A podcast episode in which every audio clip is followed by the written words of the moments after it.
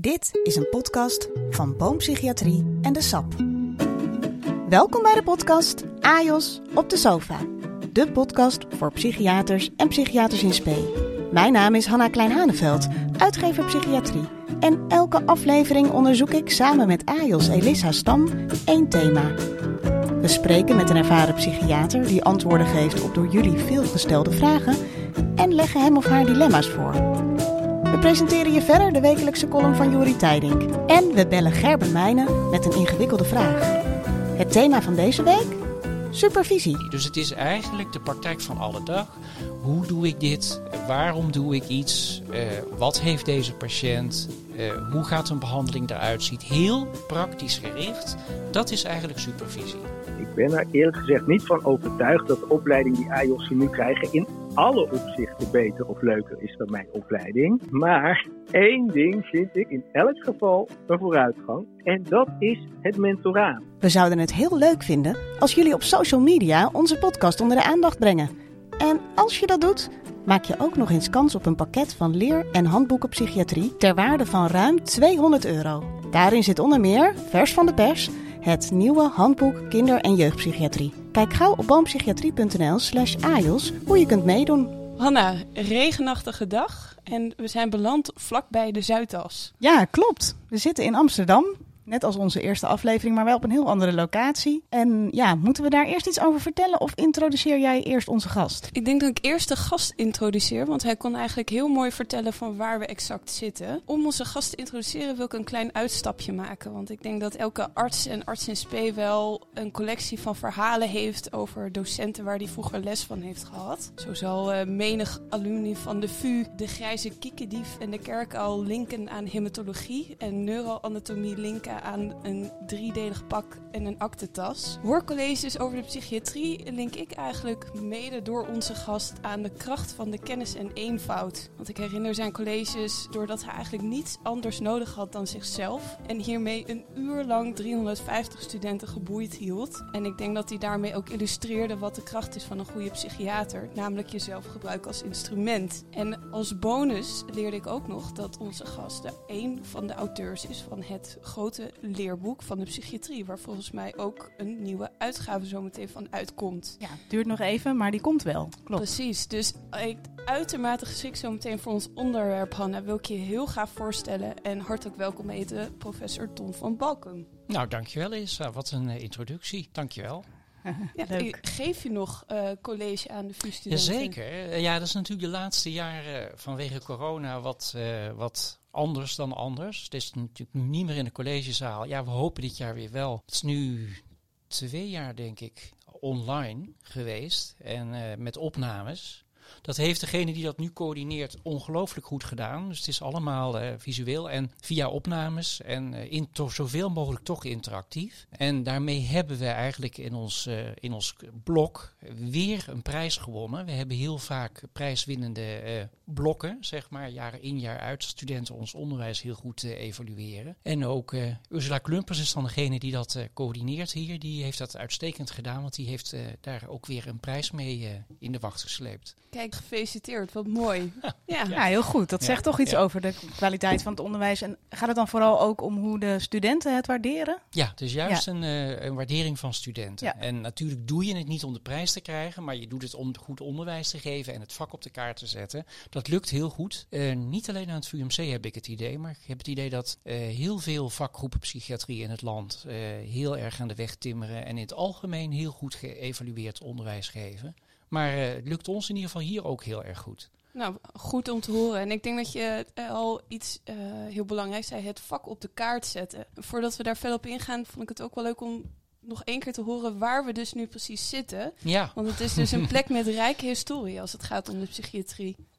Nou, dat weet ik niet. Of als het gaat om de psychiatrie, maar waar wij zitten is inderdaad vlak bij de, bij de Zuidas. Je kunt hier, nou laat ik zeggen, 200 meter loop je naar Amsterdam-Zuid. En wij zitten net achter het VUMC en de VU-campus. We kijken hier ook uit op de VU-campus vanuit mijn kamer. Uh, mijn kamer zit op de Oldenaller uh, 1 en dat is een, uh, een ja, bij Amsterdam Buitenveldert, zeg maar. Wij zitten een beetje aanpalend aan het, aan de VU Campus en vlakbij het VUMC. En we hebben hier bij GGZ Ingeest, waar ik dan opleider ben. Ik ben hoogleraar bij het VUMC, maar opleider bij GGZ Ingeest. En we hebben hier een, ja, een, nieuwe, ja, dus een nieuw gebouw vlakbij het VUMC. Uh, de, de Valerius Ja, ja, ja. Ja. Ja, ja, En daarin wordt natuurlijk ook het vak bedreven en op de kaart gezet. En dat is natuurlijk ook direct het onderwerp van vandaag. Ja, precies. Want we gaan het vandaag met jou hebben, Ton, over uh, supervisie. En de eerste vraag is eigenlijk, wat, wat is dat nou precies? Kun je daar iets over vertellen? Ja, ja, supervisie is een, um, uh, een manier van leren waarbij je eigenlijk de ouderwetse meestergezel relatie die AJOS met, hè, of eh, die artsen, toen heten ze nog in AJOS, met hun leermeester hadden, vroeger al in de opleiding, toen die opleiding nog heel anders eruit zag dan nu. En die, is, uh, die meestergezel situatie is voortgezet in de supervisie. Dus het is eigenlijk de praktijk van alle dag hoe doe ik dit? Waarom doe ik iets? Uh, wat heeft deze patiënt? Uh, hoe gaat een behandeling eruit ziet? Heel praktisch gericht. Dat is eigenlijk supervisie. Is dat de antwoord op jullie vraag? Jullie kijken zo bijna ik verbaasd. een hele mooie, alomvattende definitie. Nou, inderdaad, inderdaad. Nee, ja, ik zat even te denken, want in de psychiatrie heb je hebt natuurlijk leertherapie, supervisie, uh, het mentoraat. Al die, die termen, die hangen natuurlijk ook allemaal denk ik wel een beetje met, met elkaar samen. Klopt. Um, maar er zitten ook wel echt verschillen tussen. Dus ik dacht, misschien is het goed als je, als je die begrippen ook nog even meeneemt. Ja. In daarom, je... daarom dacht ik, ik zeg, heb het alleen nu over supervisie. Hè? Nou, Ik ben heel braaf, ik geef antwoord op je vraag. Dus, uh, uh, maar uh, wij hebben inderdaad, in tegenstelling tot veel andere medische disciplines, uh, ook mentoraat en ook leertherapie. Er is wel eens wat smalend gezegd, uh, die psychiaters zitten de hele tijd een navelstaar in de opleiding. Hè. Dan hebben ze uh, supervisie en dan hebben ze mentoraat en dan hebben ze ook nog leertherapie en dat allemaal achter elkaar. Maar um, ik denk toch dat het heel zinnig is dat we dat hebben. Want wat is nou mentoraat? Mentoraat is eigenlijk op een iets abstracter niveau praten over je professionaliteit en daarnaar kijken en daarop reflecteren. En daar komen al meer dan in een supervisie ook persoonlijke aspecten aan bod. Maar daar kan het ook heel erg gaan over zaken als hoe leid ik een team? Wat doe ik als verpleegkundige niet uh, mijn opdrachten niet opvolgen? Uh, hoe ga ik daarmee om? Maar het kan bijvoorbeeld ook zijn dat een thema is. Uh, hoe kan het nou zijn dat iedere keer als er een patiënt wordt opgenomen die heel autoritair, zich autoritair gedraagt, dat ik daar conflicten mee krijg. Dan wordt het al wat persoonlijker. Je zou kunnen zeggen dat kan ook in de supervisie, maar dat hoeft niet per se. Maar dat zou iets kunnen zijn voor een mentoraat bijvoorbeeld. Maar dat gaat al een beetje richting de leertherapie. De leertherapie is echt puur persoonlijk, is ook niet iets wat in de opleiding wordt geëvalueerd. Je moet het wel doen, maar de opleider okay. zal nooit iets horen van de leertherapeut van, uh, nou het gaat helemaal niet goed met deze AIOS. Dat is volledig uh, uh, afgesloten. En een leertherapie heeft eigenlijk tot doel uh, om persoonlijke aspecten, die vaak natuurlijk in de biografie zitten, maar dat hoeft niet altijd, uh, en die werkgerelateerd kunnen worden of zijn, dat die daar besproken worden, onder ogen worden gezien. Waardoor je dan hoopt dat de aanstaande psychiater daar meer kijk op heeft en zijn tegenoverdrachtsreacties zeg maar meer onder controle heeft. Dat is eigenlijk het idee van de leertherapie. En eigenlijk zoals je mooi schetst, hè, leertherapie staat, uh, nou, ik wil bijna zeggen los van het alledaags werk. Het is echt een soort verdieping. Maar zou je dus um, kunnen stellen dat supervisie en mentoraat in het verlengde van elkaar ligt? Ja, vind ik wel. Vind ik wel. En kan ja. het daardoor ook zijn dat de supervisie dat degene die je supervisie geeft ook jouw mentoraat geeft? Strikt genomen mag het wel, maar in alle boeken en leerboeken en documenten over de opleiding staat dat het beter gescheiden kan worden. Wij in onze opleiding is het ook gescheiden. In, Waarom is dat? Nou, dat is eigenlijk um, uh, omdat de mentor ook wat meer afstand heeft van de afdeling. Dus bij ons is het zo, maar dat hoeft niet per se, dat de mentor ook niet een psychiater is die op de afdeling werkt waar de AJOS zit. Oh, ja. Dus uh, dat is iemand die met de AJOS van afstand mee kan kijken. En eventuele problemen op de werkvloer. Eh, want dat is dan waarom het dan niet zeg maar, op de afdeling zelf is. Dat iemand daar naar mee kan kijken van hoe, hoe kun je daar nou bijvoorbeeld mee omgaan.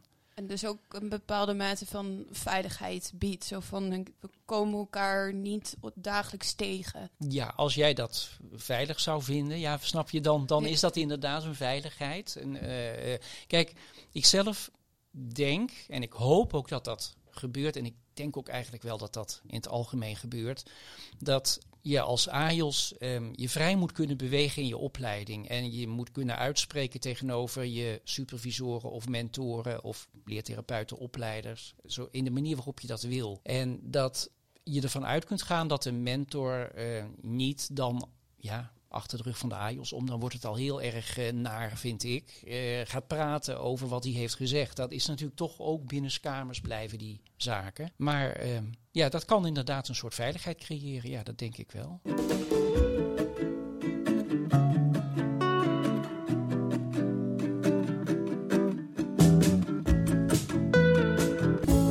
Hey Gerben, hoe is het? Goed. Hoe is het met jou? Nou, ook goed. Als jij hier nou zo naar luistert, hè, naar dit gesprek met Ton, kun je hier dan vanuit de ethiek nog wat over zeggen? Ja, wat, uh, wat leuk dat je Ton, mijn collega-psychiater in het angstteam van Ingeest, uh, bij jullie als uh, gast hebben. Ja, wij zijn er ook nou, erg blij mee. Ja, nee, als, als antwoord op jouw vraag. Ik ben zo vanaf 2001 tot 2006 opgeleid in de oude verleerskliniek bij het Vondelpark, hè, hier in Amsterdam. Mm -hmm. En ik ben er eerlijk gezegd niet van overtuigd dat de opleiding die AJOS'en nu krijgen in alle opzichten beter of leuker is dan mijn opleiding. Nee? Nee. maar, maar één ding vind ik in elk geval een vooruitgang. En dat is het mentoraat waar jullie het over hadden. En misschien dacht ik, is er ook nog wel een link met de ethiek. Maar dat kun jij misschien uh, beoordelen, Hanna. Nou, ik zal mijn best doen. Fijn. Nou, Ton zei dat je bij mentoraat hè, ook uh, op, uh, op abstract niveau over dingen kan spreken. En uh, meer overkoepelend als het ware. En dat is natuurlijk zo. En er werd ook iets als veiligheid genoemd. In de zin dat je je mentor niet tegenkomt op de gang of zo. Hè. Mm. Maar ik dacht, ik expliciteer nog even iets wat eigenlijk al bekend is. En wat volgens mij ook wel wat de kern van de zaak is. Ton noemde dat je je als AJOS vrij moet voelen om je uit te spreken naar je supervisor, opleider, hè, et cetera. Iedereen eigenlijk. En dat is natuurlijk ook zo. Tegelijkertijd, als AJOS zit je wel voortdurend in een beoordelingssituatie. Vooral met je supervisor. Ja, dat betekent natuurlijk ook wel wat voor die AJOS. Ja, dat, dat is iets in elk geval. Ja. En, en het mentoraat, zou ik zeggen, is in dat opzicht een beetje een vrijplaats. Daarom is het ook belangrijk dat die supervisor en mentor, volgens mij, niet dezelfde persoon zijn. Ja. Even uit die beoordelingssituatie. Daarbij, bij het mentoraat, is de AIOS ook in de lead. Die bepaalt, zou ik zeggen, waar het over gaat. Is vrij in de keuze van thema's. En ook wel plezierig, de AIOS hoeft in de regel niets met mijn visie of opmerkingen als mentor te doen. Die is daarin vrij. Ja, precies. En, ja, en, en dat ligt natuurlijk ook bij supervisie, hè, werkbegeleiding, wel, wel wat anders. Ja. Dus het begrip dat ik hier benadruk is vrijheid. En vrijheid zie ik dan maar even als iets wat ethisch belangrijk is. Ja, heel belangrijk kun je ook zeggen. Ja. Hanna, ja. Is dit voor jou zo ook een voldoende link met de ethiek? Ben ik, met andere woorden, voor deze podcast althans, of de hoek? Nou, dat lijkt me wel, Gerben. Ik vind het eigenlijk, ja, absoluut. Het begrip vrijheid is natuurlijk zeer aan die ethiek gelieerd. Dus lijkt mij wel. Nou, ik ben heel blij dat je het zo ziet, Hanna. Ja, hè? Dan kunnen we het hier voor deze keer bij laten. En dan wel graag weer tot de volgende keer. Heb je al enig idee waar het over gaat? Zeker. Volgende keer gaan we het hebben over mentale druk. Dat is natuurlijk wel aan jou besteed, dat onderwerp. Um, ja, we zullen zien. hey, heel hartelijk dank weer. Oké, okay, doei. Hoe zou je, zou je jezelf eigenlijk omschrijven als supervisor? Dat is een hele brede vraag, uh, Elissa. Ja, wat, wat denk Nou, ik denk dat, ik denk dat wat een supervisant aan mij, van mij zou zeggen, is dat ik enthousiast ben dat ik die dat enthousiasme overbreng, vermoed ik. Dat ik op bepaalde terreinen waar ik dan supervisie over zou geven, inhoudsdeskundig ben. En me erg uh, uh, beperk tot de data. Dus echt niet te veel fantaseer, maar echt kijk van wat weten we nou in de wetenschap over dit onderwerp en wat moet je dan doen? Omdat ik weet uit mijn eigen onderzoek dat als je je eigenlijk goed aan data houdt, in dit geval bijvoorbeeld behandelrichtlijnen, dan zijn de uitkomsten voor de patiënt altijd beter dan wanneer je dat niet doet. Hoewel je dan op de, afdeling of op de werkvloer vaak denkt, laten we nou iets anders doen. Dat je denkt, nee, nee, nee, doe nou wat de wetenschap zegt. Dat is toch voor de patiënt eigenlijk uiteindelijk het best. Ik denk dat, ik hoop ook wel, nou ik denk dat bij mij het gevaar kan zijn dat door dat enthousiasme en dat maar uh, willen vertellen en willen doen, dat we misschien soms wat minder toe zouden kunnen komen aan wat meer persoonlijke zaken. En dat hoeft lang natuurlijk niet altijd, maar dat maakt het wel eens gewoon ook heel erg gezellig om met elkaar het ook leuk te hebben, zeg maar. Oké, dus enthousiast, bevlogen, goede kennis van zaken en dat dus ook willen overbrengen. En het beste voor de patiënt ook willen daardoor, hè? Ja, ja precies. Ja, En um, ik kan me heel goed voorstellen, in ieder geval, ik ben natuurlijk, kom heel veel supervisoren tegen. En dan heb je voorbeelden waarvan je denkt, nou zo zou ik het, of ik zou het later anders aanpakken, of nou zo zou ik het graag willen doen. Wie zijn uh, voor jou inspiratiebronnen geweest? Uh, oh, een leuke vraag. Nou, er is één hele grote inspiratiebron geweest, maar dat is nooit mijn supervisor geweest. Maar dat was, jij had het net over jou in de collegezaal. Toen zat ik in de collegezaal in Utrecht. Uh, daar heb ik mijn opleiding gedaan. En dat was in de jaren zeventig, dus de antipsychiatrie. En toen hadden we in Utrecht de hoogleraar Herman van Praag. Uh, en die stond onder ongelooflijk vuur toen. Want um, uh, die lag onder ongelooflijk vuur. Want uh, alles wat hij deed, dat werd met, een, met argusogen bekeken. En als een biologisch onderzoek was van bedenkelijke afkomst. Maar die man kon college geven. Die is degene geweest die mij als het ware geïnspireerd heeft voor het vak. Dat is natuurlijk een iets andere vraag, maar dat is wel mijn grote inspirator geweest. Dat ik dacht, wat weet die man veel en, en ook heel erg empathisch en invoelend. Hij werd vaak afgeschilderd in de media als een hele harde persoon. Dat heb ik nooit gevoeld en nooit gemerkt. Alleen hij baseerde zich eigenlijk, en dat heb ik wel denk ik dan van hem overgenomen, misschien ja, onbewust. Ik, weet, ik, wil niet zeggen dat dat allemaal zo bewust is geweest, maar hij baseerde zich eigenlijk altijd op wetenschap. Van als we nou kijken naar dit en dat en dat onderwerp, wat weten we dan eigenlijk van? En waarom doen we dan eigenlijk dit en niet dat? Ja. En dat sprak me heel erg in hem aan. Naast het feit dat hij ontzettend goed kon vertellen, heel erg interessante casus naar voren kon brengen. Uh, Patiënten demonstreren mocht toen niet. Dat was ook verboden.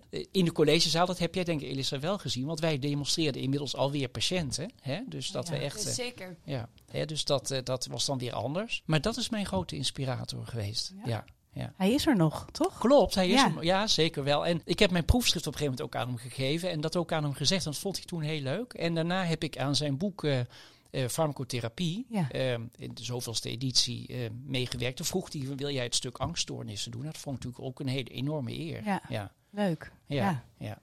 Ik ben wel benieuwd, Hanna, want we hebben nu de hele tijd over het superviseren van artsassistenten en artsassistenten in opleiding.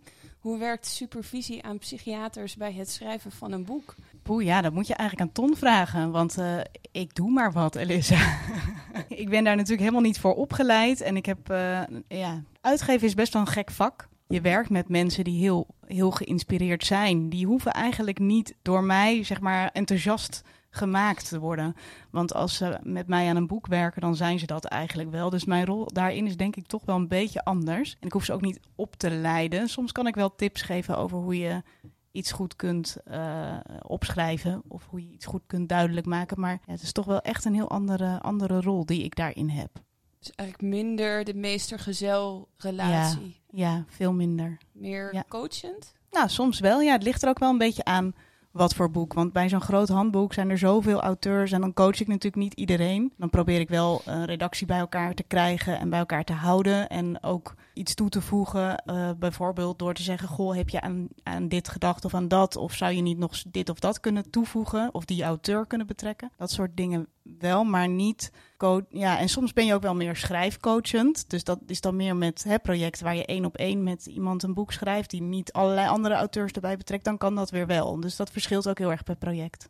Ja. Ik kan me ook wel voorstellen dat je daar in, uh, misschien eigenlijk in beide vormen van supervisie een stuk van jezelf ook meebrengt. Van uh, niet alleen je vakinhoudelijke kennis, maar ook van ja, hoe je in het leven staat en hoe je de dingen aanpakt. Zeker. Ik denk ook dat elke uitgever dat weer op een andere manier doet. En elke redacteur weer op een andere manier ehm, met mensen schakelt. Ja, dat is toch inderdaad.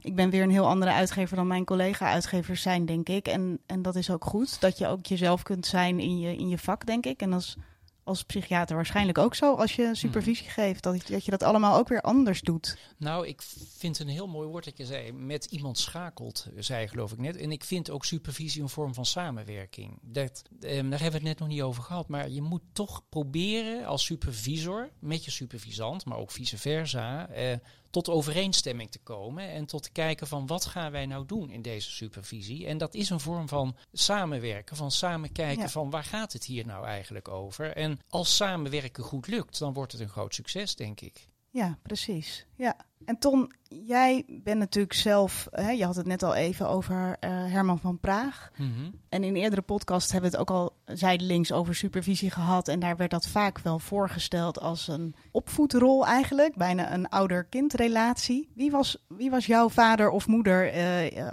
hoe heb jij zelf jouw supervisie ervaren? Nou, um, ja, ik heb natuurlijk meer supervisanten gehad. En, en, maar mijn eerste supervisor. Die staat mij nog heel erg bij. En dat was um, in het toenmalige Rozenburg, dat bestaat niet meer, in Den Haag. En ik werd daar, eigenlijk, want ik was, had net mijn artsexamen gedaan. Het was mijn eerste klinische baan. En uh, nou, ik ja, ging eigenlijk naar die supervisor toe. En dat is een vrouw. En daar heb ik ontzettend veel geleerd. Maar wat ik ook heel erg geleerd heb, is dat zij mij eigenlijk niet gaf wat ik altijd wilde hebben. En dat dat dus ook heel erg kan. Dat, dat achteraf denk ik van hoe heb ik me door als een half jaar, door dat half jaar heen geslagen. Het was een hele hardwerkende, hele conscientieuze vrouw, maar er waren ook onderwerpen die we niet konden bespreken. En ik had eigenlijk door mijn gebrek aan ervaring ook niet het benul, denk ik ook, van dat ga ik aan de kaak stellen. Maar ik had ook wel zoiets van: hier zijn onderwerpen die niet aangeraakt mogen worden. Snap je? En dat heeft mij, denk ik, ook gevormd in de zin van misschien niet optimaal, maar wel kijkend wat kan ik hier wel leren. En daarom heb ik toch heel veel uit die, uit die stage gehaald. Terwijl je, ik nu eigenlijk zou wensen. Dat wat ik had willen hebben, zeg maar, dat de supervisor meer aandacht had gehad ook voor mijn niveau van functioneren en waar ik behoefte aan had of wat ik had willen bespreken. En dat was ja in die tijd, weet je, we hadden geen richtlijnen, we hadden geen standaarden, we hadden geen opleidingsplan, we hadden geen, uh, ja, noem maar wat op, wat we nu allemaal wel hebben. Dus het was ook allemaal heel anders en er werd ook niet zo gepraat over het praten. Leertherapie was niet verplicht, we hadden geen mentor, we hadden alleen een supervisor en wat die met je deed, ja, dat was dan eigenlijk ook een beetje naar ieders eigen inzicht. En dat was toch een hele goede opleiding hoor. Dus, dus het is niet dat het dan allemaal. Maar dat was heel anders. En dat heeft mij wel gevormd dat ik dacht, dat is dus ook heel belangrijk.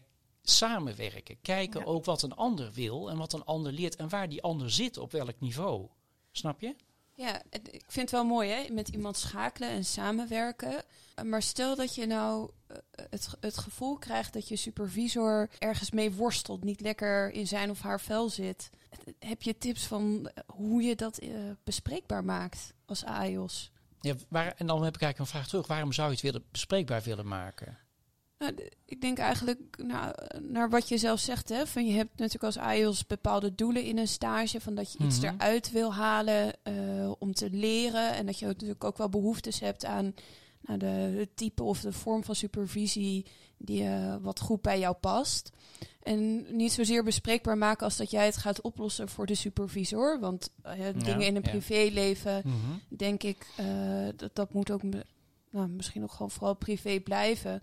Maar stel dat het de samenwerking beïnvloedt, kan dat natuurlijk wel een soort olifant in de kamer worden die dan ja, er is, maar niet over gesproken mag worden. Ja, nou dat is een hele moeilijke situatie kan dat zijn, kan ik me voorstellen. Ehm, eh, en nou, ik denk eigenlijk daar twee dingen over. Het eerste is, net een beetje aansluitend op wat ik net zelf zei, um, overweeg dan steeds als AJOS, je bent toch een passant je gaat op een gegeven moment ook weer weg. Wat kun je hier wel leren en wat niet? En staat dat niet het wel leren in de weg? Begrijp je wat ik wil zeggen? En je kunt ervoor kiezen, maar wel bewust niet, niet vanuit een soort vermijding van dit laat ik zitten. Daar kan ik me best iets bij voorstellen. Dat je op een, een, een het hoeft niet altijd 100% te zijn. Goed goed genoeg is soms ook goed. Maar dat is denk ik wel suboptimaal. Ik kan me voorstellen dat het beter is om te kijken of je het kunt bespreken. Uh, en dat is natuurlijk niet iedereen gegeven en niet iedereen durft dat of wil dat. Je kunt ook misschien iets tegenkomen wat je, waar je niet naar op zoek bent, zeg maar. Maar um, idealiter zou denk ik zijn, uh, nog iets beter dan, dan uh, hè, het, het maar een beetje op zijn beloop laten, dat je het agendeert en zegt, joh, tegen de supervisor, ik wil de volgende keer graag praten over hoe wij hier met elkaar omgaan. Want ik heb een aantal leerdoelen en daar kom ik, heb ik het gevoel niet aan toe. En ik wil daar met jou naar kijken hoe we dat misschien wel kunnen bereiken. Het klinkt echt hoe wat Jolien eh, zei over medisch leiderschap. Van het niet um, heel persoonlijk maken, maar eigenlijk het, het gedrag bespreekbaar maken van in de samenwerkingsrelatie. Die maakt dat jij denkt van ik kan niet mijn leerdoelen behalen die ik graag wil behalen op deze Juist, en dan hou je het dus ook heel erg bij jezelf. Hou je het heel erg bij, maar dat ligt, ligt ook heel erg bij jezelf. Ja. En, en ik, ik vind het ook heel erg mooi dat je nou de, koppeling maakt met medisch leiderschap. Want ik denk dat dat medisch leiderschap ook is, in wezen. Dat je dan zelf bij jezelf te raden gaat. En daarmee kun je natuurlijk best ook met anderen het erover hebben om een beetje hè, voor te bespreken. Ik zou een gesprek ook wel voorbereiden. Dat is nog niet zo makkelijk. Maar of het misschien valt het reuze mee, maar enfin, je moet wel goed weten wat je doet, denk ik. Een soort agenda hebben. Maar dat je, dat je dus inderdaad ook um, gaat kijken van hoe sta ik hier nu in en wat wil ik hier halen en wat niet. En dat dat, dat, dat niet halen dus niet altijd per se heel slecht hoeft te zijn. Snap je wat ik? Ik zie je een beetje bedenkelijk kijken. Nou, ik, ik laat het vooral binnenkomen en bezinken. Mhm. Dat ik denk van, um, ik, ik, vind het wel een hele mooie gedachte. Omdat je vaak als IELTS nog wel eens gericht bent op dat wat dan niet lukt. Of dat wat niet behaald wordt. Of dat wat nog behaald moet worden. En jij het eigenlijk zegt van je kan het ook gewoon omdraaien en focussen op dat wat wel behaald is of wat wel behaald kan worden. En daarin ook verdragen van dat het soms loopt zoals het loopt. Ja, Exact. Ja. ja. Daarmee accepteer je eigenlijk ook de beperkingen van je supervisor, die er ongetwijfeld ook zijn. Hè? Dus dat is misschien ook wel ja, best wel een goede insteek om er zo mhm. over na te denken als je het omdraait. Ja, ja en dat uh, daarin, als je het bij jezelf houdt, en denk ik ook bij de rol als IELTS, misschien de druk om presteren er ook wat afhaalt. Omdat je uh, je zegeningen telt in plaats van uh, je verliezen. Ja, focus op, je, de zegeningen inderdaad. Ja. Um, ik zat nog even na te denken, want wat moet je eigenlijk als AIOS verwachten van supervisie? Wat mag je wel en niet verwachten? Dus jij zegt eigenlijk al van kijk wat er wel haalbaar is. Moet een supervisor altijd bereikbaar zijn bijvoorbeeld? Of hoe, hoe, hoe, werkt dat? Nou, um, ja, dat is natuurlijk een, niet, niet altijd bereikbaar, maar er moet wel duidelijkheid zijn. Ja, dat is natuurlijk heel specifiek alweer. Hè, van, uh, dat is iets minder breed dan je eerste vraag, hè, Hanna. Maar, maar uh, uh, ik denk wel dat je als AJOS moet weten wat je moet doen in bepaalde noodsituaties. Of met de supervisor moet afspreken van stel dat jij er niet bent, wie kan ik dan bereiken en op welk telefoonnummer? En weet die persoon dat ook? Want dan kan de supervisor wel zeggen, ja, bel die en die. Maar als die helemaal niet weet dat, dat, dat die een soort achterwacht is. Met andere woorden, ik denk dat dat soort eisen kun je echt wel stellen. Dat zijn echt wel de kaders waar binnen je werkt. En ik denk dat als daar onduidelijkheid over is, ja, dat vraag je niet, maar hè, dat zeg ik nou, dan, dan is dat wel iets waar, waarvan ik denk dat zou ik zeker wel problematiseren. En daar ook echt, als je daar met de supervisor niet uitkomt, dan zou ik ook echt zeggen van, ik stel voor dat in alle openheid, want ik zei, hè, dan zou je kunnen zeggen, ik vind dit toch niet een prettige regeling dat we hier het hier met de opleider over gaan hebben. Want ik vind dat dit beter geregeld moet worden. Want soms kan ik niemand bereiken. Bijvoorbeeld, ik zeg ja. nou maar wat. Ja. ja. Dus daarin dat er wel eigenlijk een aantal basisvoorwaarden zijn voor supervisie. Van niet zozeer de supervisor zelf die vijf dagen in de week uh, bereikbaar moet zijn, maar dat je weet wie je mag bellen. Maar wat bijvoorbeeld als het gaat, je hebt natuurlijk vaak een uh, vast uur voor supervisor. Mm -hmm. Maar er zijn natuurlijk ook supervisoren die heel veel uh, neventaken of andere taken erbij hebben en dat het continu wisselt. Is dat dan ook gewoon een kwestie van in openheid aankaarten of wat, wat, dat is vaak, uh, merk ik als ik het ook met collega's erover heb, dat iedereen zegt van ja, kaart het aan, maar dat mensen het toch best ingewikkeld vinden om dan uh, te vertellen van waar ze behoefte aan hebben. Want als dan bijvoorbeeld zo'n supervisieuur wisselt, dan gaat het wel iedere week door, maar dan op een andere tijd bijvoorbeeld. Uh, ja, bijvoorbeeld. Van dat de ene keer is het dan de maandag om uh, vier uur, dan is het weer vrijdag drie uur. Dus je weet eigenlijk nooit Althans, het uur komt in de week, maar je weet niet wanneer. Dus echt voorbereiden lukt bijvoorbeeld ook niet. Oh, dat, dat is heel onhandig. Dan zou ik ook. Dat zou ik. Kijk, dat het wisselt, zou ik weer niet zo'n probleem vinden. Als het maar wel duidelijk is. Maar niet van. Uh, ik bel je op van. Uh, joh, we hebben over een half uur supervisie. Ja, dat. Dat, dat is suboptimaal. Dan zou ik als AIOS ook zeggen, nou ik vind het ontzettend fijn hè, dat je voor mij tijd vrij maakt en dat we iedere week supervisie hebben.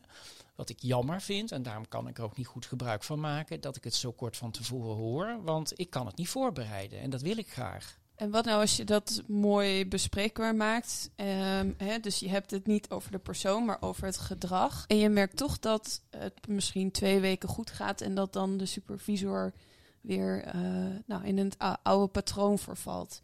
Is dan je mentor uh, de eerste stap of is het direct naar de opleider? Ik zou het bespreken met de, met de supervisor. Kijk, je kunt het altijd met de mentor bespreken, maar die zal het nooit gaan interveneren in de. Die zal je misschien op weg helpen om het op een bepaalde manier nog een keer aan te kaarten.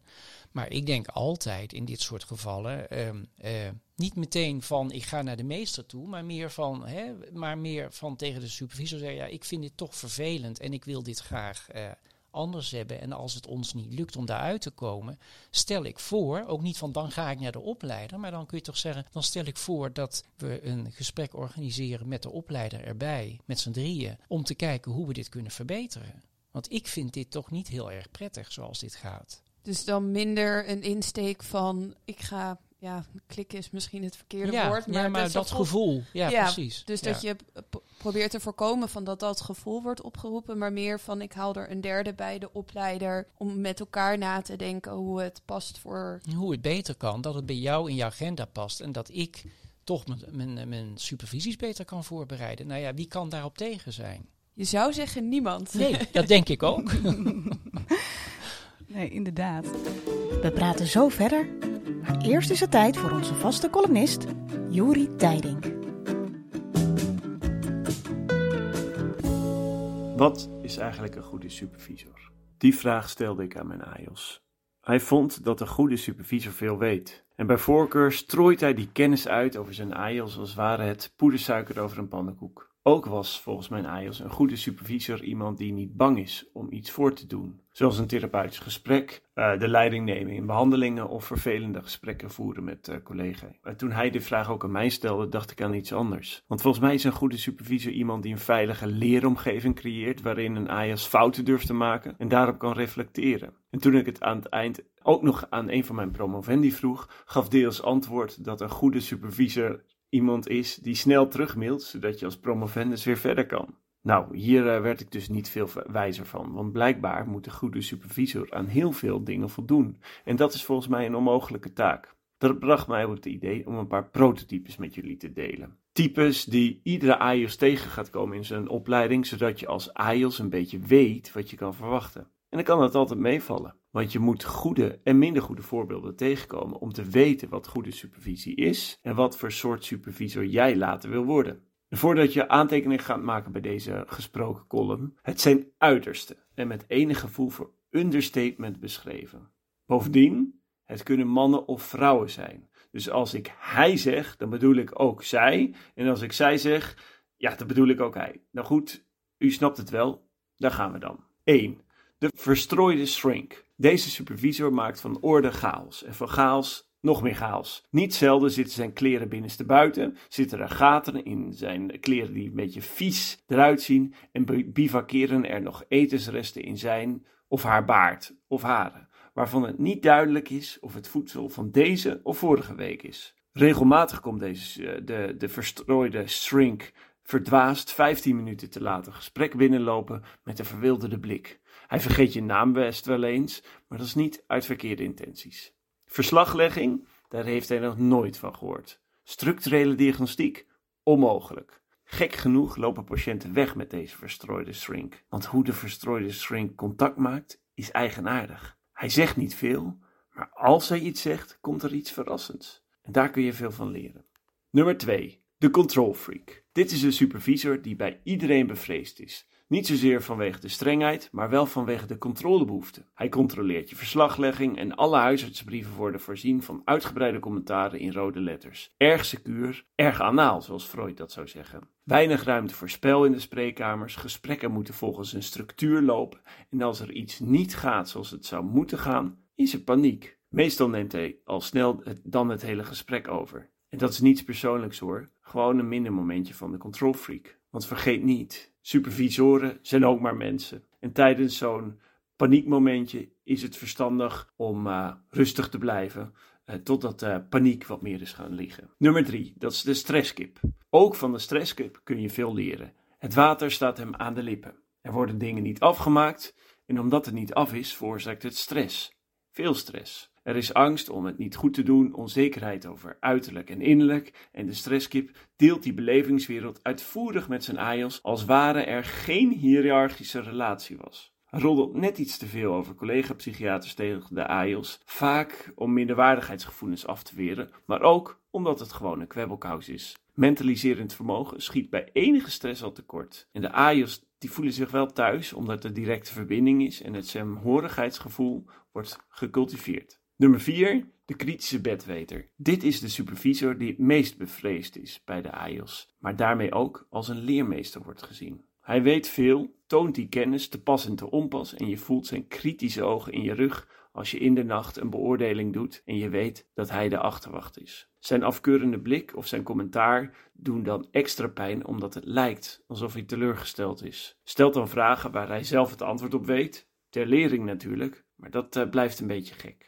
Hij is opvallend mild en steunend als je kwetsbaarheid toont. Iets wat maar weinig AIOS bij hem durft te tonen. Ja, wat moeten jullie nu met deze archetypes? Ik denk eigenlijk niet zoveel. Totdat je ze tegenkomt. Je ze herkent en je een lichte glimlach niet kan onderdrukken. Je beseft, aha, ze bestaan dus toch. En dan hoop ik dat je met een vrolijk gemoed de tekortkomingen van je supervisor zal verdragen. Want er valt altijd wel iets te leren misschien nog even een uitstapje maken naar een, een andere uh, soort supervisor. Iemand die altijd controleert wat je doet. Die de hele tijd er bovenop zit. En ja, dat je bijna het gevoel krijgt van nou, ik kan eigenlijk niks doen zonder, zonder dat het gezien wordt of uh, opgemerkt wordt en iemand daar gelijk uh, iets van vindt. Mm. Hoe, hoe zie jij dat? Is dat slim om te doen als supervisor? Um, nou, In hoeverre ik... moet, je, moet je heel erg dicht erop zitten, zal ik maar zeggen? Nou ja, weet je, ik denk, en dan sluit ik aan bij wat we het eerder besproken hebben, dat dat heel erg afhangt van het niveau en de fase van de, van de opleiding waarin de AJOS zich bevindt. Dus ja. er zijn denk ik AJOS die dat, bij wie dat nodig is, als ze echt onbewust onbekwaam zijn op een bepaald terrein. Ja, of je dan continu er bovenop moet, dat denk ik niet. Maar dan controleer je meer en dan doe je ook meer voor, bijvoorbeeld. Hè, live, dat je een, een anamnese voordoet of hoe je een psycho-educatiegesprek doet of hoe je, wat je ook doet, hoe je met de verpleging van mij part omgaat, kun je allemaal voordoen. En de AIOS'en kunnen dat dan onder directe supervisie daarna nadoen en krijgen daar feedback op. Maar um, stel dat het nou ongepast is, dat je zegt, ja, je zit mij spreken in je vierde jaar en je, er wordt nog iedere minuut uh, gecontroleerd. Ja, dan denk ik zelf dat, en dan worden we echt gered door de EPA's nu, hè, dat je ook met de, met de supervisor kunt zeggen, goh, ik merk dat jij hè, mij heel erg controleert en dat, ik vind het heel fijn dat je, dat, je het, dat je het vak zo serieus neemt. Maar ik denk dat ik inmiddels zit ik met de, met, de, hè, met de EPA's op dit terrein al bij uh, geen supervisie meer nodig. Geen directe super, dus kunnen, zullen we daar eens naar kijken uh, wat mijn niveau is van functioneren, wat door de opleiding is vastgesteld. En of misschien hè, jouw manier van controleren daar nog bij past. Nou, en dat je dan met elkaar kunt kijken van, uh, ja, was dit nou nodig? Is dit nou nog nodig? Of, of eigenlijk niet? En dan is de conclusie dus dat is dan niet meer nodig. En dan, als het goed is, kun je daar op die manier dan uitkomen. Het is bijna eigenlijk het omdraaien van de meester-gezel-relatie. Dus dat je als AIOS aangeeft van je mag me een beetje loslaten. Ja, Heb vertrouwen dat ik het eh, wel kan. Ja, precies. En als het dan goed is. Hè, ja, we zijn natuurlijk nu met die e-pas net begonnen. Dus dat gaat natuurlijk in het vierde jaar nog helemaal niet. Loopt het nog helemaal niet zo. Maar dat je dan op een gegeven moment ook echt kunt zeggen. Ja, maar ik zit echt op. Hè, ik, eh, zeg maar het niveau indirecte supervisie. Ja, kijk hier even naar dat, naar dat staartje. Zonder supervisie. Hè, of ik superviseer zelf al verpleegkundige. Nou, dat dan de nieuwe supervisor eigenlijk uh, nou ja, zich dat realiseert en dan hopelijk wat kan terugschakelen. En ik denk dat ook zo'n eerste gesprek in een stage, waarbij je de leerdoelen bepaalt en uh, kijkt wat de AIOS gaat doen, hier ook heel erg richtinggevend in kan zijn. Dat je ook zelf kan zeggen van nou, waar je staat en wat je doet en wat je hebt bereikt. En wat, wat er nu verder eh, geleerd gaat worden. En de warme overdracht. Ik weet ook niet of dat overal in alle opleidingen gebeurt. Dat doen wij hier dus wel. Dat de oude supervisor met de AJOS samen en de nieuwe supervisor kijkt van waar staan we nu, wat hebben we bereikt en wat ga, hoe moet het nu verder gaan met, het, met de leerkunde. Zodat het mooi aansluit eigenlijk en je echt een vervolg krijgt. Ja, en wat ideaal is nu door corona uh, gedreven, dat we allemaal kunnen beeldbellen. Dat was ja. altijd echt best ingewikkeld met live afspraken en dan zaten ze op verschillende locaties en dat duurde dan allemaal. En, maar nu kun je gewoon het heel makkelijk uh, morgen regelen. Uh, tien minuten, kwartiertje hoeft allemaal niet te lang te duren. En, ja. Ja, dat is wel een mooi een ja, voordeel eigenlijk. Ja, ja, een heel groot voordeel. Ja. Elisa, mag ik jou vragen, in de praktijk, hoe ervaar jij dat, supervisie? Is, dat, is het prettig? Haal jij er veel uit? Leer jij er veel van? Of is het ook heel wisselend per uh, stageplek? Ik denk dat elke supervisor, of het nou een hele hands-on of een hands-off supervisor, je heel veel leert. En dat is enerzijds denk ik ook wat jij zegt, Ton, van dat je be uh, bewust wordt van de dingen die je echt mag vragen. En ik zou bijna willen zeggen eisen. Dus dat je gewoon weet wie je kan bellen op welk moment voor crisissen. Of dat je gewoon weet dat je wel recht hebt op, uh, nou pak een beetje een uur in de week waarin je met een psychiater kan zitten om dingen door te spreken. Maar daarin is het ook altijd wel weer een zoektocht. En dat is enerzijds inderdaad de fase waar je zelf in zit. Want als je uh, net toen ik net begon, was ik inderdaad heel zoekende. En dan is het eigenlijk, ik weet nog zo goed, de eerste keer dat ik een medicatievraag van een verpleegkundige kreeg, dat ik dacht, oh verhip, nu ben ik de dokter en nu kan ik er wat over zeggen. En dat als dat nu gebeurt, uh, bijvoorbeeld het voorschrijven van benzodiazepines, ja, dat, dat, dat gaat automatisch. En dat, uh, uh, dat zeg ik ook, of dat toets ik ook niet meer altijd. Maar dat zelfs met alle ervaringen die je hebt, ik heb hier bijvoorbeeld op een gesloten afdeling gezeten, het ook nog heel fijn kan zijn om juist die meester-gezel-relatie te hebben. En dat je gewoon kan sparren met een psychiater, ook bijna, ook eigenlijk gewoon als collega's van, goh, hoe doe jij dat nou? En ik vind het ingewikkeld en uh, wat is je advies erin? Ik weet nog heel goed, uh, mijn psychiater op de, uh, op de HIK, die zei van je mag best om hulp vragen. Mm -hmm. En dat is natuurlijk ook van hoe verder je komt in de opleiding, hoe meer je denkt dat je het allemaal zelf moet doen. En dat je dat vergeet dus, van dat je ook nog mag leren en dat je ook mag zeggen van hé, hey, dit vind ik ingewikkeld. Sterker nog, ik denk hè, met dat hele levenslang leren waar we allemaal mee bezig zijn, dat ja. het ook heel goed is als je psychiater bent, dat je ook collega's raadpleegt van joh, ik weet niet wat ik nou moet doen. Of hoe zit dit of hoe zit dat. Of in een dienst dat je soms denkt, ook als achterwacht, nou dit heb ik eigenlijk nog nooit meegemaakt. Of uh, ik bel toch even iemand om even te checken wat die nou zou doen. En als we daar met elkaar uh, mee doorgaan en daar vrijer in worden, dan helpen we elkaar ook enorm. En, en de kwaliteit van de zorg ook. Ja, ja precies. Zeker. En daarom ben ik nog wel benieuwd naar, want we hebben het een beetje, als je kijkt naar een supervisor heb je allemaal spectra van een die er heel veel is uh, en dan de andere uiterst die er nauwelijks is. Maar ik denk dat er ook wel een soort spectrum is van hoe persoonlijk ben je. Er zijn wel supervisoren die eigenlijk zeggen inderdaad, hé, je bent een passant, dus het maakt mij niet zo heel veel uit wie je bent.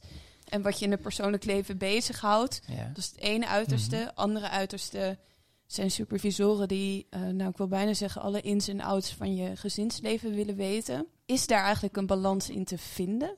Als supervisor en ook als AIOS supervisant van hoeveel je prijs kan, moet geven? Het is natuurlijk heel moeilijk om daar een algemene regel over te geven. Ik denk, strikt genomen hoef je niet persoonlijk te worden. Maar dat is ook helemaal niet gezellig. Snap je? Ik bedoel, het is natuurlijk ook leuk, een uurtje per week. Eh, eh, trouwens, dat is ook wel minimaal hoor. Elisa, dat hebben we vaker. Maar bedoel, je mag ook best uh, samen de patiënten zien en zo. Hè? Maar oké, dat, dat er ook wel eens gepraat wordt over. Uh, ja, gisteren hadden we de verjaardag van, uh, weet ik het, onze zoon. En dat was heel gezellig. Of zo. Weet je, ik bedoel, dat hoort er ook wel een beetje bij, lijkt mij zo. Ja, en dan gaat het dus eigenlijk over als de AIOS, maar dat kan natuurlijk ook bij de supervisor liggen, als die zoiets heeft van ja, er worden hier vragen gesteld waar ik gewoon helemaal geen zin in heb. Ja, hè, daar, daar heb je het eigenlijk over.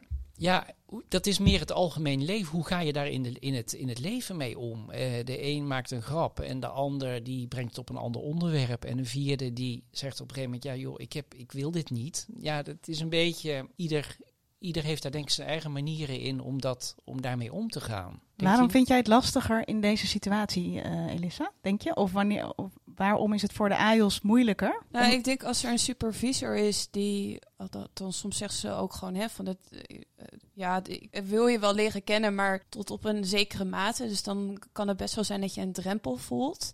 Terwijl bijvoorbeeld op een uh, hik heb ik wel gemerkt dat het eigenlijk ook wel heel erg waardevol kan zijn als als mensen weten van als je ergens mee zit in je privéleven, omdat uh, natuurlijk een hik gaat met pieken en dalen. En Mhm. er kan hè, een dag niks gebeuren. En zo eh, staat er een heel AT-team op je afdeling hun patiënten separeren. En dan eh, dingen, althans ben ik zelf wel ervan overtuigd dat het wel van belang is dat mensen weten van of het thuis allemaal lekker loopt of dat er thuis ook van alles speelt. En dat dit misschien nog zwaarder kan aankomen dan dat het zou zijn als het allemaal eh, thuis eh Op gaat. rolletjes eh, Ja, gaat. precies. Maar dan denk ik eigenlijk ook dat je het dan ook op prijs zou stellen als een supervisor zou, iets zou vragen of zou zeggen. Of, of toch niet. Nou, ik heb in die zin, ik heb gemerkt dat als supervisoren inderdaad interesse hebben, niet alleen van heb je je werk af of waar loop je tegenaan in je werk, maar ook hoe gaat het met je. Dus ik denk eigenlijk een hele algemene vraag.